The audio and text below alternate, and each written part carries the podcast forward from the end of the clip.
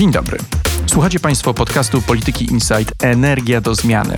W naszej audycji opowiadamy o najważniejszych wiadomościach sektora energetycznego, omawiamy zmiany regulacyjne i najnowsze trendy technologiczne. Z naszymi gośćmi dyskutujemy o konwencjonalnych i odnawialnych źródłach energii oraz o polityce polskiej i europejskiej. Mierzymy się też z tematem zmian klimatycznych i tego, jak wpłyną one na nasze życie. Nazywam się Robert Tomaszewski i zapraszam na dzisiejszą audycję. Jest wtorek, 23 lutego. Pięć dni temu weszła w życie ustawa o promowaniu wytwarzania energii elektrycznej w morskich farmach wiatrowych, która ma otworzyć firmom drogę na Bałtyk. Offshore ma być jednym z motorów dekarbonizacji polskiej energetyki. Jednak zanim na morzu powstaną wiatrowe kolosy, firmy muszą uzyskać zgodę na wsparcie. O tym, jak będzie ono wyglądało i jakie ryzyka czekają na inwestorów, opowie Michał Motylewski, radca prawny i managing counsel w warszawskim biurze kancelarii Dentons. Michale, może zacznijmy od podstaw. Na czym będzie polegał system wsparcia dla morskich farm wiatrowych i czemu te kolosy potrzebują oddzielnych przepisów? Czemu nie mogą skorzystać z tych już istniejących, na przykład w ramach ustawy o odnawialnych źródłach energii? Robercie, witam Ciebie i witam naszych słuchaczy. W pierwszych słowach pozwól, zanim odniosę się do pytania o kolosy, że bardzo się cieszę, że prowadzona jest pogłębiona dyskusja na temat programu dla morskiej energetyki wiatrowej. Ja traktuję to jako pewnego rodzaju skok cywilizacyjny polskiej energetyki, który wymusza szereg zmian w sposobie zarządzania systemem elektroenergetycznym, wyobrażeniem sobie tego, jak będziemy z energii korzystać, ile jej się pojawi, co chcemy z nią dalej robić. I myślę, że dlatego właśnie, że jest to tak specyficzny obszar, który wprowadza nową technologię, specyficzną na swój sposób, jeśli chodzi o prowadzenie tych projektów, tak? jeśli chodzi o długość takiego komercyjnego życia, trudności związane z przygotowaniem poszczególnych projektów. Myślę, że dlatego właśnie potrzebna jest dedykowana regulacja, która powoduje większą przejrzystość. To jest główna zaleta takiego podejścia do dużych gałęzi gospodarki. Większa przejrzystość przygotowania konkretnych projektów.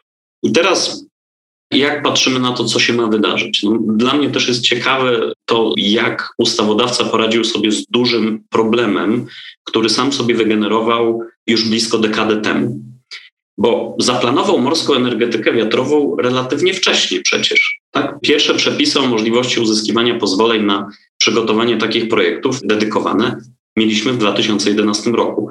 I od tego czasu szereg podmiotów podjęło duże ryzyko przygotowania projektów, nie do końca wiedząc, jak ostatecznie je będzie finansować, w jaki model rynku one się wpiszą.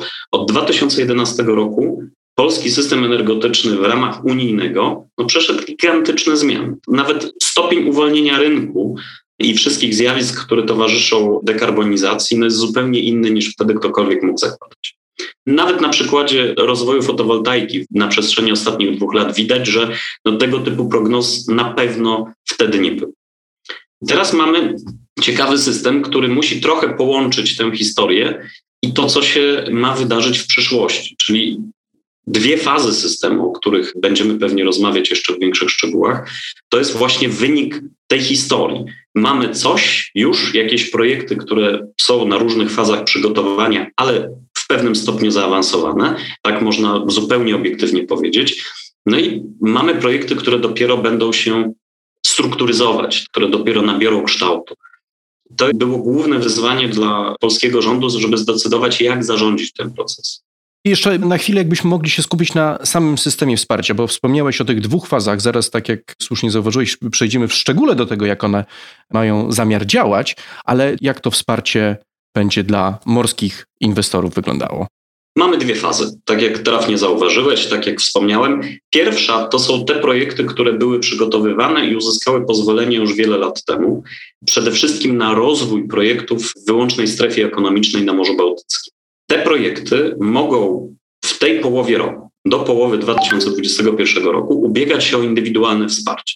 Każdy jest trochę inny, każdy jest na trochę innym etapie przygotowania i ustawodawca musiał się zmierzyć z tym, że zasadniczo planowanie wsparcia dla energetyki w Polsce, w Unii Europejskiej wymaga trybu konkurencyjnego. Znaczy, istotą jest, żebyśmy, jeżeli wydajemy środki publiczne, decydujemy się, że są to na tyle duże projekty, na tyle jeszcze nowatorskie, że wymagają jakiejś stabilizacji w postaci pomocy państwa, w takiej czy innej formie oczywiście, no to wtedy mamy wymuszać konkurencję po to, żeby te środki publiczne były jak najefektywniej wydawane i żeby presja konkurentów powodowała, że oczekiwania nie będą zbyt wygórowane.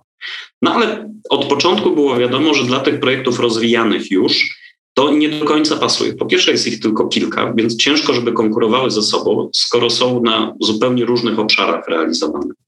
Z tego powodu też ja na przykład nigdy nie zakładałem, że jakiekolwiek wsparcie dla morskiej energetyki wiatrowej zostanie udzielone na podstawie bieżącej ustawy o odnawialnych źródłach energii, w której jest system aukcyjny i który formalnie przewidywał możliwość wsparcia dla morskiej energetyki wiatrowej. Tak? Jest osobny koszyk aukcyjny, odrębny od wiatru na lądzie i od fotowoltaiki, w którym nawet po notyfikacji komisji rząd spokojnie mógł przeznaczać środki na morską energetykę wiatrową. Ale ten system aukcyjny był nieadekwatny do tego, co inwestorzy mogli zaoferować. I dlatego też to jest kolejny powód, dla którego potrzebny był dedykowany system, osobna ustawa, żeby właśnie z tą dysproporcją systemową się zmierzyć. W pierwszej fazie mamy zatem pomoc indywidualną, tak żeby już do konkretów wrócić. Czyli każdy projekt będzie negocjował z polskim rządem poziom wsparcia.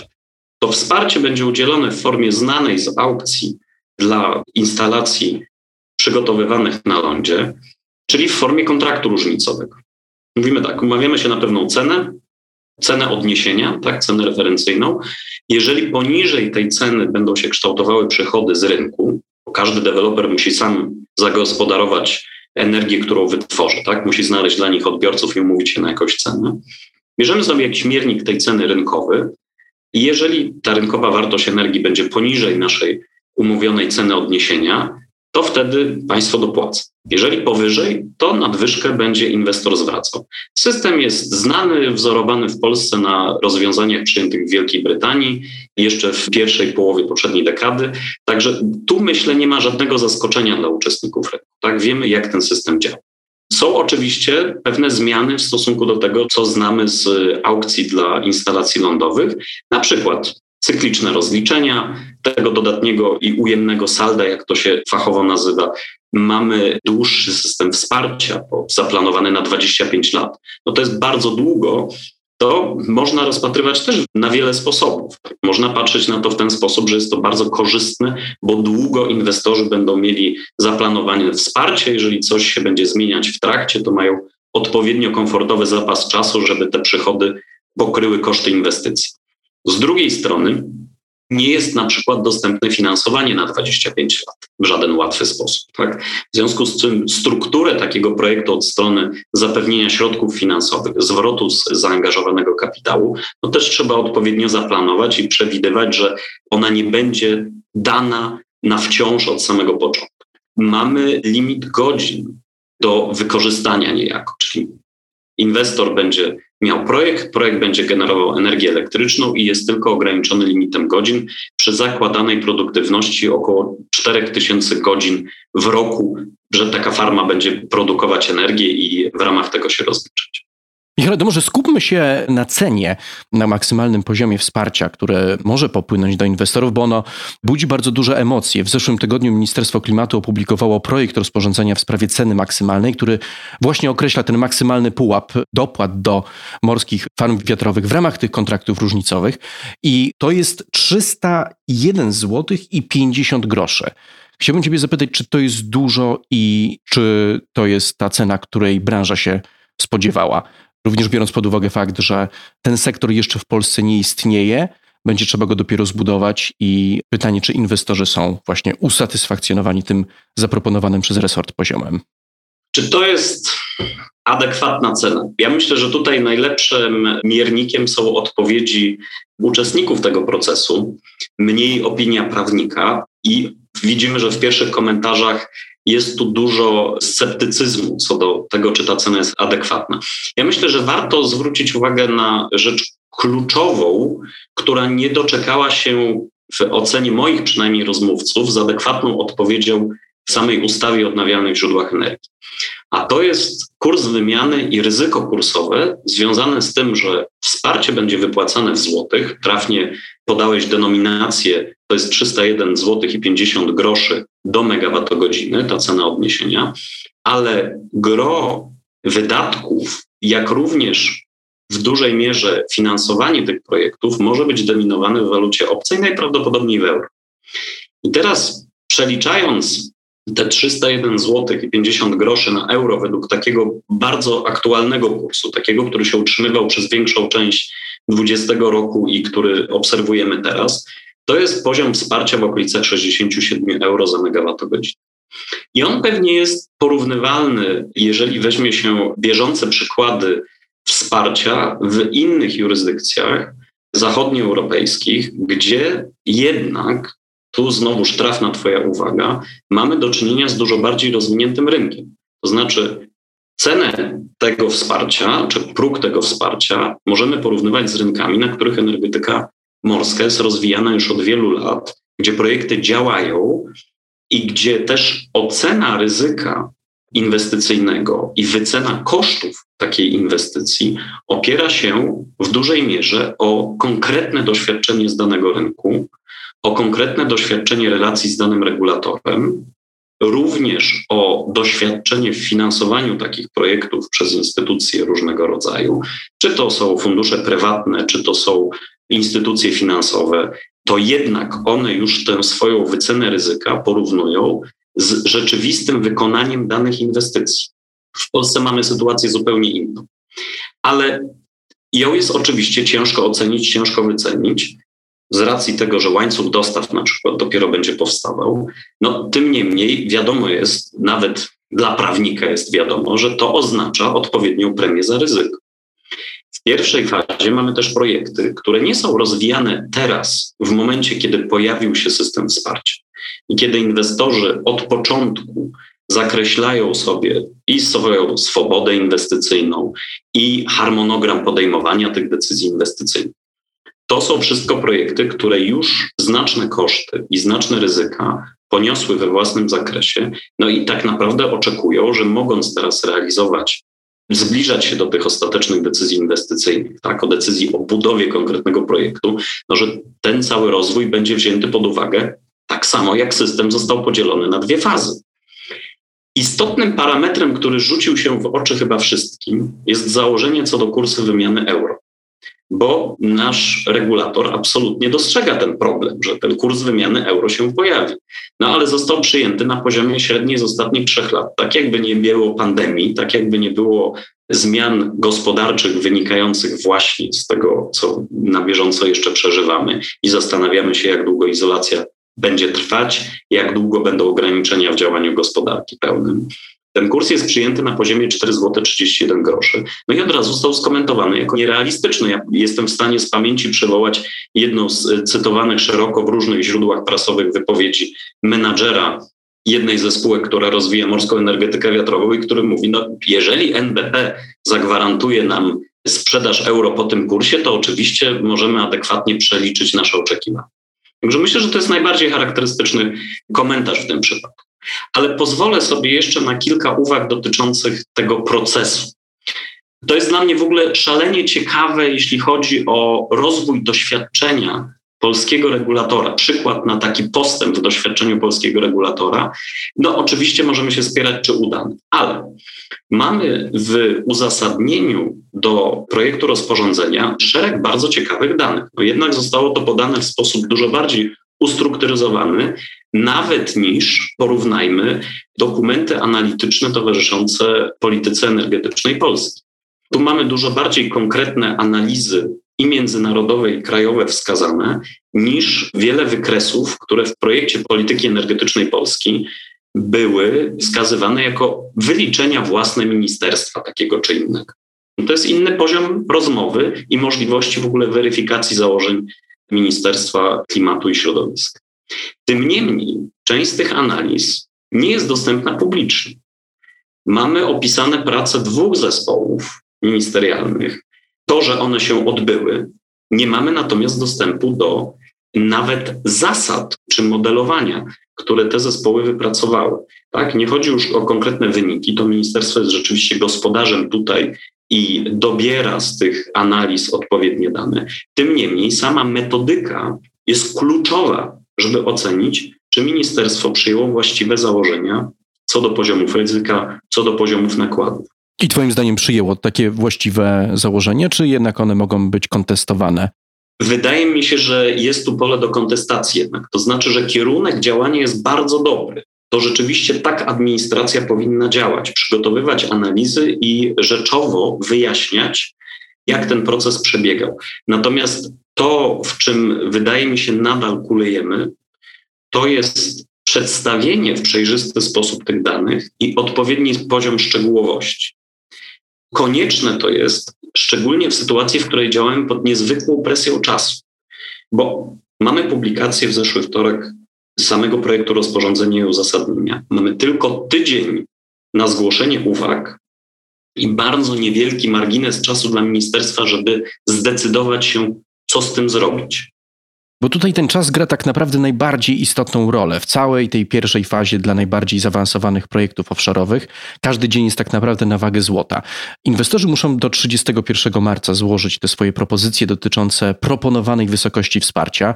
Ten kształt rozporządzenia, jeżeli on nie zostanie zmieniony i zostanie z tą ceną 301 zł i 50 groszy za megawattogodzinę, no to wydaje się, że spora część tych projektów po prostu skorzysta z maksymalnego poziomu i zaproponuje maksymalne wsparcie. Ale wróćmy do tego, co jeszcze musi się wydarzyć wydarzyć, żeby inwestorzy mogli złożyć te dokumenty regulatorowi w tym przewidzianym przez ustawę terminie? To jest bardzo trafna uwaga. Datą krytyczną jest 30 czerwca 2021 roku, ponieważ, tak jak wspomniałem, mamy dwie fazy wsparcia. Pierwsza to pomoc indywidualna, czyli każdy z inwestorów indywidualnie umawia się z regulatorem na konkretny zakres wsparcia. I teraz każda z tych umów niejako będzie podlegała jeszcze weryfikacji przez Komisję Europejską w procesie notyfikacji. Ministerstwo otrzymawszy, prezes URE jest tym organem, który został wyznaczony do przeprowadzenia postępowania, otrzyma propozycję od poszczególnych inwestorów, będzie miał trzy miesiące mniej więcej na przeprowadzenie z nimi postępowania, które powinno zakończyć się wydaniem wstępnej decyzji o przyznaniu tej pomocy. Decyzję organy polskie, tutaj prezes Urzędu Ochrony Konkurencji i Konsumentów będzie właściwy, organy polskie notyfikują do Komisji Europejskiej i w tym postępowaniu notyfikacyjnym Komisja zweryfikuje założenia polskiego systemu od strony formalnej, potwierdzi swoje stanowisko co do zgodności tego systemu z regułami udzielania pomocy publicznej w Unii Europejskiej, ale co niezwykle ważne, komisja może sama określić maksymalny poziom wsparcia. Więc to jest drugi test, czy ta wysokość jest prawidłowa. Tyle tylko, że komisja będzie związana progiem, który zaproponuje samo państwo członkowskie. I teraz to jest jedno z moich zdziwień, dlatego że ustawodawca, wydawało mi się, bardzo przejrzyście pokazał w ramach tej architektury pierwszej fazy systemu wsparcia, że on będzie sukcesywnie wypracowywał ten próg, który uzna za uzasadniony do przyszłych wypłat. Dlaczego moje zdziwienie? Dlatego, że to ustawodawca, czy też polski regulator będzie negocjował z komisją, czy ten poziom wsparcia jest adekwatny, czy nie. Otrzymawszy wcześniej oczywiście informacje o projektach od poszczególnych zainteresowanych. I określenie tego progu na poziomie na tyle niskim, że wywołał on powszechną kontrowersję już w pierwszych dniach po opublikowaniu, wydaje mi się być działaniem na przekór temu systemowi, który ustawodawca przygotował. Bo po pierwsze, można przyciąć poziom wsparcia w decyzjach indywidualnych prezesa URE wydawanych do końca czerwca, tu szczególnego marginesu do protestów nie ma dla deweloperów, dlatego że te decyzje tak naprawdę muszą zapaść i muszą być skierowane do komisji ze względu na zmiany w prawie unijnym, które po 30 czerwca będzie już wymagało właśnie tych procedur konkurencyjnych, o których bardzo krótko napomknęliśmy na początku. W związku z tym te decyzje tak naprawdę muszą być wydane, skierowane do notyfikacji, i potem mamy kolejny test, kiedy komisja się wypowie, jaki poziom uznaje za adekwatny. No nie będzie tego poziomu podwyższać, to wiemy. więc może go zaakceptować albo obniżyć. A następnie, na podstawie jeszcze dodatkowych szczegółowych informacji o projekcie, prezes URE ponownie, już po wydaniu przez komisję stosownej decyzji, prezes URE będzie mógł ponownie tę cenę dookreślić i być może określić ją na jeszcze niższym poziomie. I widząc, że takich kilka kroków jest przewidzianych, spodziewałbym się, że na wstępnym etapie regulator pokaże jednak cenę, nazwijmy to dość hojną, po to, żeby zapewnić sobie odpowiednią elastyczność i margines. Po pierwsze, do tego, żeby różnicować poziom wsparcia pomiędzy poszczególnymi projektami, bo być może jest taka potrzeba. Tak? To dopiero się okaże, jak wpłyną szczegółowe wnioski o zawarcie tych kontraktów różnicowych, mówiąc w pewnym uproszczeniu. To uporządkujmy może trochę te ryzyka, które są związane tak naprawdę z całą tą procedurą, bo tak jak powiedziałeś, ten 30 czerwca no jest taką graniczną datą. 1 lipca wchodzi znowelizowana dyrektywa unijna dotycząca odnawialnych źródeł energii, która wymusza przyznawanie wsparcia dla tego rodzaju instalacji w drodze konkurencyjnej, w drodze aukcji. My mamy w tej pierwszej fazie do czynienia z decyzjami indywidualnymi i po prostu podjęcie takich decyzji o wsparciu po 30 czerwca po prostu nie będzie możliwe. I chciałbym Ciebie zapytać, jakie rodzi to konsekwencje? Bo my mamy z jednej strony taką sytuację, w której ta ustawa cały czas nie została notyfikowana. Żeby ją notyfikować, regulator musi mieć tutaj przed oczyma koszty, jakie podyktują inwestorzy, poziomy wsparcia. Co się wydarzy, jeżeli my jako inwestorzy i ustawodawca nie dotrzymamy tych terminów. Znaczy, jeżeli coś po drodze się wywróci, na przykład jedno z kluczowych rozporządzeń nie zostanie opublikowane, albo proces postępowania w URE przeciągnie się i my przekroczymy tą datę 30 czerwca, co się wtedy może wydarzyć? Uporządkujmy, jak to musi zadziałać z perspektywy ustawy o morskiej energetyce wiatrowej. Ustawodawca za, przewidział ustawowe systemy na dokonanie konkretnych czynności, które wskazują właśnie ścisłe powiązanie z tymi zmianami w prawie unijnym. I teraz inwestorzy mają nieprzekraczalny termin na zgłoszenie wniosku do końca marca. W związku z tym, ktokolwiek przekroczy ten termin, no to jego wniosek już po prostu nie będzie rozpoznawany. Podobnie ustawodawca bardzo przejrzyście wskazał, że no w pewnym domyśle, ze względu na te ograniczenia w prawie unijnym, Decyzje prezesa URE przyznające wsparcie, te wstępne decyzje, które potem podlegają notyfikacji, muszą być wydane w terminie do 30 czerwca 2021 roku. I postępowania, które przeciągnęłyby się poza tę datę, również nie będą kontynuowane. To wskazuje właśnie na ścisły związek tej procedury, poszczególnych kroków czy kamieni milowych, jakbyśmy tego nie nazwali, z regulacjami unijnymi. Więc moim zdaniem polski ustawodawca czy polski regulator prawidłowo zaplanował sobie działanie w tym zakresie i powiedział: Słuchajcie, mamy ograniczony czas, musimy to zrobić w takim terminie. Potrzebujemy mniej więcej trzy miesiące dla prezesa URE, żeby mógł racjonalnie rozeznać, co w tych wnioskach jest, czy wszystko jest dla niego jasne i uzupełnić informacje na etapie tego postępowania tak, żeby odpowiedzialnie mógł wydać indywidualne decyzje. Dlaczego używam słowa odpowiedzialnie? No dlatego, że to muszą być decyzje, które potem obronią się niejako w negocjacjach z Komisją Europejską. Ustawodawca polski czy regulator polski musi mieć przekonanie, że to, co przyniesie potem do komisji w formie notyfikacji, to jest coś, co racjonalnie potrafi uzasadnić z perspektywy różnych wymogów udzielania pomocy publicznej i rozwoju polskiego systemu elektroenergetycznego. Co się dzieje później? Przekroczenie tego terminu w taki sposób, że znajdziemy się w konflikcie z regułami unijnymi, które mówią wsparcie dla odnawialnych źródeł od 1 lipca 2021 roku wymaga zastosowania procedury konkurencyjnej, no przekroczenie tego terminu powoduje, że już niestety klamka zapadła i indywidualnej pomocy nie możemy się spodziewać. Wtedy taki projekt może uzyskać pomoc tylko i wyłącznie w ramach systemu aukcyjnego. I trafnie zauważyłeś, że żeby zastosować system aukcyjny, to trzeba już notyfikować cały system pomocowy, a tym systemem jest właśnie druga faza wsparcia. I ta druga faza oparta jest o konkurs ofert, który znamy jako aukcję dla odnawialnych źródeł energii, i ona w swoich takich istotnych elementach dla morskiej energetyki wiatrowej nie różni się zasadniczo od aukcji, którą znamy dla instalacji lądowych. Jakbyś miał ocenić ryzyko z przekroczeniem tego terminu, tego 30 czerwca i wypadnięciem jednego z najbardziej zaawansowanych projektów offshore'owych do drugiej fazy i związanymi z tymi konsekwencjami, czyli opóźnieniem całej inwestycji i też prawdopodobnymi gigantycznymi utraconymi korzyściami. Czy sądzisz, że takie ryzyko jest wysokie z tą wiedzą, którą mamy obecnie? Spojrzałbym na to z dwóch perspektyw. Od strony zaplanowania procesu myślę, że takiego dużego ryzyka nie ma. Jeśli chodzi o rozumienie tego, co i kiedy ma się wydarzyć.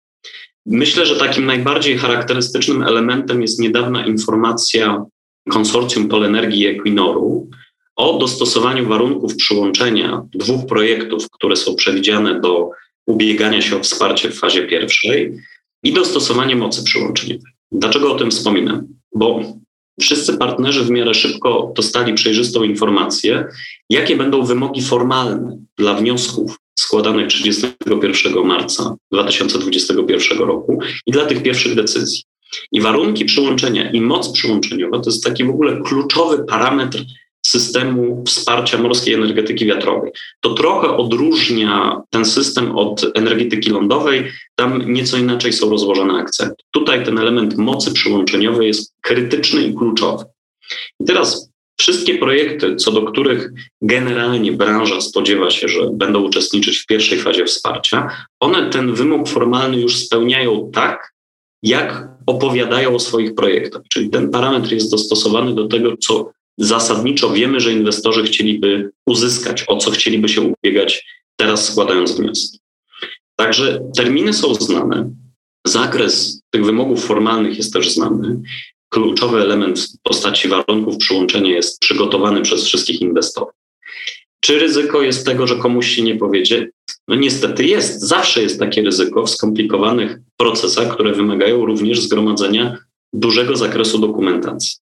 Dla mnie jest ciekawe, jak inne elementy tych wniosków będą przygotowane i na ile prezes URE będzie również przygotowany, żeby uznać, że to jest gotowy, kompletny wniosek, taki jak on potrzebuje, żeby oczywiście prowadzić postępowanie wyjaśniające na przestrzeni kolejnych trzech miesięcy, ale zasadniczo ma z czym wystartować. I wydaje mi się, że patrząc również na takie czynności jeszcze przed wejściem w życie ustawy, o morskiej energetyce wiatrowej, jak chociażby rozpoznanie łańcucha dostaw, no to widzieliśmy już inicjatywę ze strony różnych inwestorów, żeby odpowiednie przynajmniej informacje zbierać, takie, które potem trzeba przetworzyć na dokumentację formalną wymaganą dla każdego wniosku. Także raczej jestem optymistą, jeśli chodzi o ogólne przygotowanie inwestorów, żeby te wnioski złożyć. Tyle tylko, że trafiamy potem na przeszkody następujące. Mamy zaproponowany poziom ceny, dowiemy się bardzo późno w procesie, jaki on ostatecznie będzie. Tak? Dlatego wspominaliśmy też, że ministerstwo ma niewiele czasu, żeby przetworzyć wyniki konsultacji, które teraz prowadzi co do tej maksymalnego poziomu wsparcia i zdecydować, co z tym zrobić, bo inwestorzy, posługując się tym kluczowym parametrem, no muszą przeliczyć chociażby swoje biznesplany i przygotować te biznesplany, przygotować też być może odpowiednie wskazówki, jak przewidują wykorzystanie łańcucha dostaw i zagranicznego, i krajowego, w zależności od tego, na jakie wsparcie mogą liczyć. To jest niebagatelny problem, jeśli chodzi i o wagę tego parametru, i o czas, który pozostał na przygotowanie wniosku. To może rozszyfrujmy tylko ten plan łańcucha dostaw. Co to dokładnie jest i dlaczego to może przysporzyć inwestorom problemów przy ubieganiu się o pomoc dla morskich farm wiatrowych? Nie wiem, czy posłużyłbym się, że miałoby przysporzyć problemów, ponieważ no, plan łańcucha dostaw w tak rozbudowanych projektach jak instalacje morskiej energetyki wiatrowej to jest naturalny element planowania. I tak, czy byśmy mieli ten element w jakiś sposób wyeksponowany w ustawie, czy nie, i tak ten plan łańcucha dostaw każdy inwestor musi przygotować i zdecydować też, w jakiej formule ten łańcuch dostaw tworzy i z nim kooperuje. Polski ustawodawca wyszedł z trochę innego założenia. I ono jest moim zdaniem ciekawym podejściem do prowadzenia w ogóle polityki gospodarczej, bo stanął przed następującym dylematem polski regulator. Mamy pewien obszar gospodarki, który chcemy rozwijać, będziemy inwestować to środki publiczne, i teraz no, siłą rzeczy pojawia się naturalna chęć, żeby jak najwięcej z tych środków wygenerowało impuls gospodarczy właśnie w Polsce. Natomiast działamy też w ramach rynku unijnego i musimy stwarzać takie warunki, nie narzucając udział polskich przedsiębiorstw, tylko stwarzać takie warunki, żeby różnym przedsiębiorcom unijnym opłacało się rozwijać swoje zdolności do świadczenia usług czy dostarczania różnych komponentów właśnie w Polsce. Długi czas trwały dyskusje na temat tego, no jak ten polski łańcuch dostaw uwzględnić, żeby też nie powodowało to problemów regulacyjnych.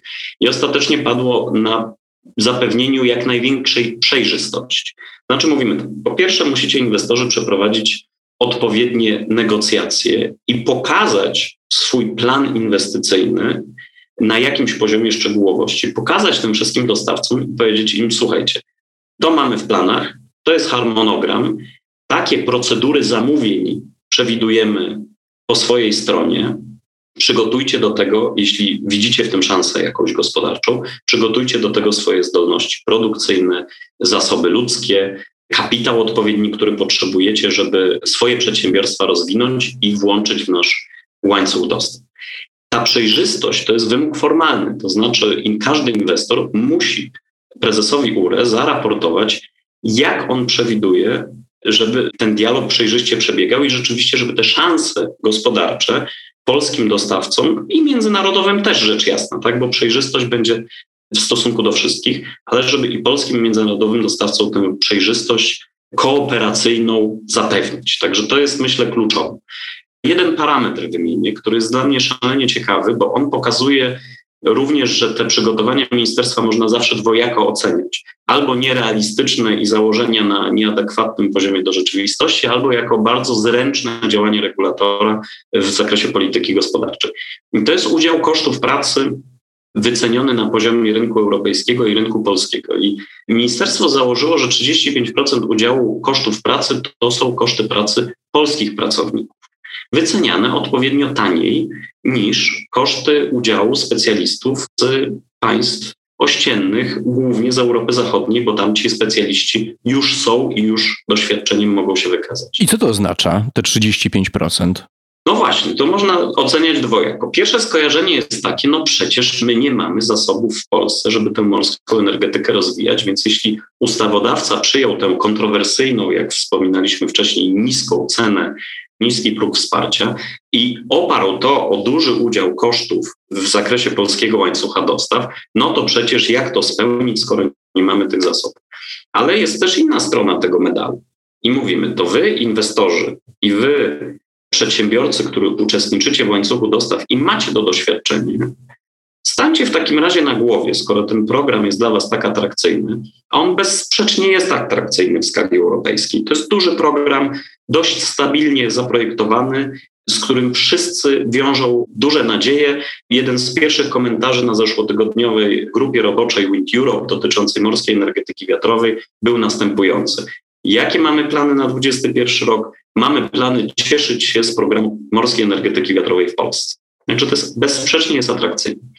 I być może pewną kalkulacją za przyjęciem takiego progu udziałów kosztów pracy polskich pracowników i przedsiębiorstw realizujących część usług i dostaw w Polsce jest jednak bardzo przemyślany i mówi o tym, że damy impuls przez modelowanie poziomu wsparcia, damy odpowiedni impuls, żeby jednak uczestnicy tego łańcucha dostaw poszukiwali polskich pracowników, poszukiwali zasobów w Polsce, bo to im rzeczywiście zagwarantuje bazę kosztową adekwatną do tego, co chcemy wspierać. Ja życzę ministerstwu, żeby po pierwsze, mam nadzieję, że to jest przemyślana strategia i życzę ministerstwu, żeby to podejście zaowocowało rzeczywiście adekwatnym impulsem na polskim rynku pracy przede wszystkim. Poświęciliśmy bardzo dużo czasu na omówienie tej pierwszej fazy, no ale ona też budzi najwięcej emocji, więc stąd nasza atencja akurat powędrowała w tym kierunku i akurat do tych przepisów, które konstytuują ten system w tych najbliższych latach, system wsparcia morskiej energetyki wiatrowej. Ale na sam koniec naszego podcastu opowiedz krótko o tym, jak będzie wyglądała ta druga faza, bo tutaj też czeka na inwestorów wiele wyzwań związanych z tym, żeby przystąpić do tych aukcji. One mają się odbyć w 2025 i 2027 roku. I co tutaj wydarzy się, czego się spodziewasz? Mamy rzeczywiście inne wyzwania i więcej tych wyzwań, ale mamy też odpowiednie wyprzedzenie czasowe, bo trafnie zauważyłeś, ta druga faza może doprowadzić do udzielenia wsparcia w roku 25 i w 27, być może również w 28. Tak to jest na dzień dzisiejszy zaprojektowane. I to wyprzedzenie czasowe i przejrzystość będzie wynikała chociażby z tego, że cały system aukcyjny zostanie notyfikowany Komisji Europejskiej. I ja się spodziewam, że no to będzie relatywnie niedługo, czyli że ta notyfikacja nastąpi w 2021 roku jeszcze. I wtedy mamy sytuację, w której inwestorzy na początek dostaną system skomentowany przez Komisję Europejską. No to szalenie dużo znaczy w warunkach europejskich regulacji, europejskiej polityki transformacji energetycznej dla stabilności takiego systemu on chociażby po takiej notyfikacji w bardzo prosty sposób wpadnie pod ochronę unijnej klauzuli stabilności finansowej. Czyli mówimy, że mamy już w tym momencie system, który nie powinien podlegać zasadniczym zmianom, które zmieniałyby jego efektywność ekonomiczną, taką z perspektywy inwestora. To jest bardzo duża zaleta. I potem mamy system aukcyjny. Teraz to, co jest największym wyzwaniem, to, że architektura polskiego systemu pod jednym względem się nie zmieniła. To znaczy, są de facto dwa konkursy. Najpierw trzeba stanąć do konkursu o odpowiedni obszar w wyłącznej strefie ekonomicznej, w którym taką instalację będzie można rozwijać. Taki się pojawił ciekawy tytuł w jednym z portali branżowych, że trwają regaty na Bałtyku. Z przyjemnością czytałem tę perspektywę, ale ona się odnosi oczywiście do pierwszej fazy systemu wsparcia. Natomiast w przypadku tej fazy drugiej aukcyjnej rozpoczną się jeszcze większe regaty, dlatego że pierwszą przeszkodą do pokonania to jest konkurs ofert zgłaszany nie Ministerstwu Klimatu, tylko Ministerstwu Gospodarki Morskiej, które będzie zarządzało procesem udzielania pozwoleń na wznoszenie sztucznych wysp, czyli de facto pozwoleń na rozwijanie projektów w wyłącznej strefie ekonomicznej w obszarach morskich. I tu przypomnijmy, to jest ta pierwsza faza w ogóle startu każdego inwestora po morskie farmy wiatrowe, to jest uzyskanie tego właśnie pozwolenia. Ja mówię o tym krótko. To jest pierwszy konkurs, do którego wszyscy zainteresowani inwestorzy muszą stanąć. W różnych publikacjach pojawia się też ilość wniosków, które ze sobą konkurują o odpowiednią ilość pól. Tych wniosków opublikowanych na stronie ministerstwa jest bodajże 70 kilka. W prasie pojawia się informacja, że około 100 jest złożonych. Obowiązuje moratorium to znaczy nie są prowadzone postępowania, nie są rozstrzygane te konkursy, one dopiero rozstrzygnięte będą. W ustawie o morskiej energetyce pojawiło się trochę nowych wymogów formalnych dotyczących tego postępowania konkursowego. No i chyba wszyscy, którzy są zaangażowani w ten program, czekają w największym napięciu na to, jakie będą wyniki konsultacji publicznych, które pod koniec zeszłego roku przeprowadziło Ministerstwo Gospodarki Morskiej dotyczące kryteriów rankingowych. Bo muszę przyznać, że tak jak wyrażam się pochlebnie o kierunkach działania ministra klimatu w przypadku tego rozporządzenia i uzasadnienia do rozporządzenia o maksymalnym poziomie wsparcia, no to już jestem bardzo krytyczny co do tego, jak te kryteria rankingowe zostały w pierwszym projekcie pokazane. Ja lubię matematykę na przykład, tak? Czyli jak liczę punkty, to chciałbym wiedzieć, jak te punkty się zliczają, w jakiej relacji do siebie pozostają, jak te punkty mogą być przyznawane, jeżeli zgłosi mi się dwóch konkurentów, jak jeżeli się zgłosi pięciu konkurentów. Wszystkich detali dramatycznie zabrakło w tym rozporządzeniu. Czekamy na kolejną wersję, licząc na to, że uwagi płynące z różnych środowisk w procesie konsultacji. Ja też uczestniczyłem w zgłoszeniu części uwag w ramach Rady OZE w Konfederacji Lewiatan. Mam nadzieję, że te uwagi zostaną uwzględnione i że ten proces rankingowy ponownie okaże się jednak bardziej przejrzysty dla inwestorów nawet jeśli to się wiąże z dużym wysiłkiem formalnym, czyli że duża ilość dokumentów będzie musiała być przygotowana, że duża ilość danych będzie musiała być przetworzona, to jednak uważam, że jest to kluczowe dla powodzenia całego systemu, bo od wyników tego konkursu pierwszego będzie zależało, kto może wziąć udział w aukcjach skutkujących przyznaniem już wsparcia finansowego dla wytwarzanej w morskich farmach wiatrowych energii elektrycznej. W związku z tym pierwsze zawężenie kręgu konkurentów, którzy potem się będą ubiegać. Jak będzie aukcja, to będzie pewna presja konkurencyjna, ale ona już będzie relatywnie niewielka. To znaczy, ja się spodziewam, że przy ilości projektów, które mogą przystąpić do aukcji w 25 lub w 27 roku, jeden, góra dwa projekty mogą nie dostać wsparcia w danej rundzie, ale nie więcej. Tak? Te parametry systemu są tak zakreślone, że nie będzie to duża ilość malutkich projektów, tak jak mamy do czynienia na lądzie, w aukcjach lądowych, tylko jednak będzie to mniejsza ilość dosyć dużych projektów i nie załapie się wsparcie jeden, góra dwa najdroższy. Michale, i na sam koniec chciałbym Cię zapytać. 5,9 gigawata mocy w morskich farmach wiatrowych do 2030 roku. Twoim zdaniem jest to osiągalne? Poradzimy sobie z budową takich mocy w takim czasie? Ja uważam, że to jest osiągalne i co więcej, uważam, że to jest Polsce zwyczajnie potrzebne. I myślę, że taka duża determinacja i ustawodawcy, i regulatora, czyli i ministra klimatu, i ministra gospodarki morskiej jednak też, i prezesa URE, po to, żeby w pierwszej połowie 2021 roku zmieścić się z tym systemem wsparcia, ta duża determinacja pokazuje, że świadomość, jak ważne jest, żebyśmy rozwijali duże moce w energii odnawialnej, no jest powszechna.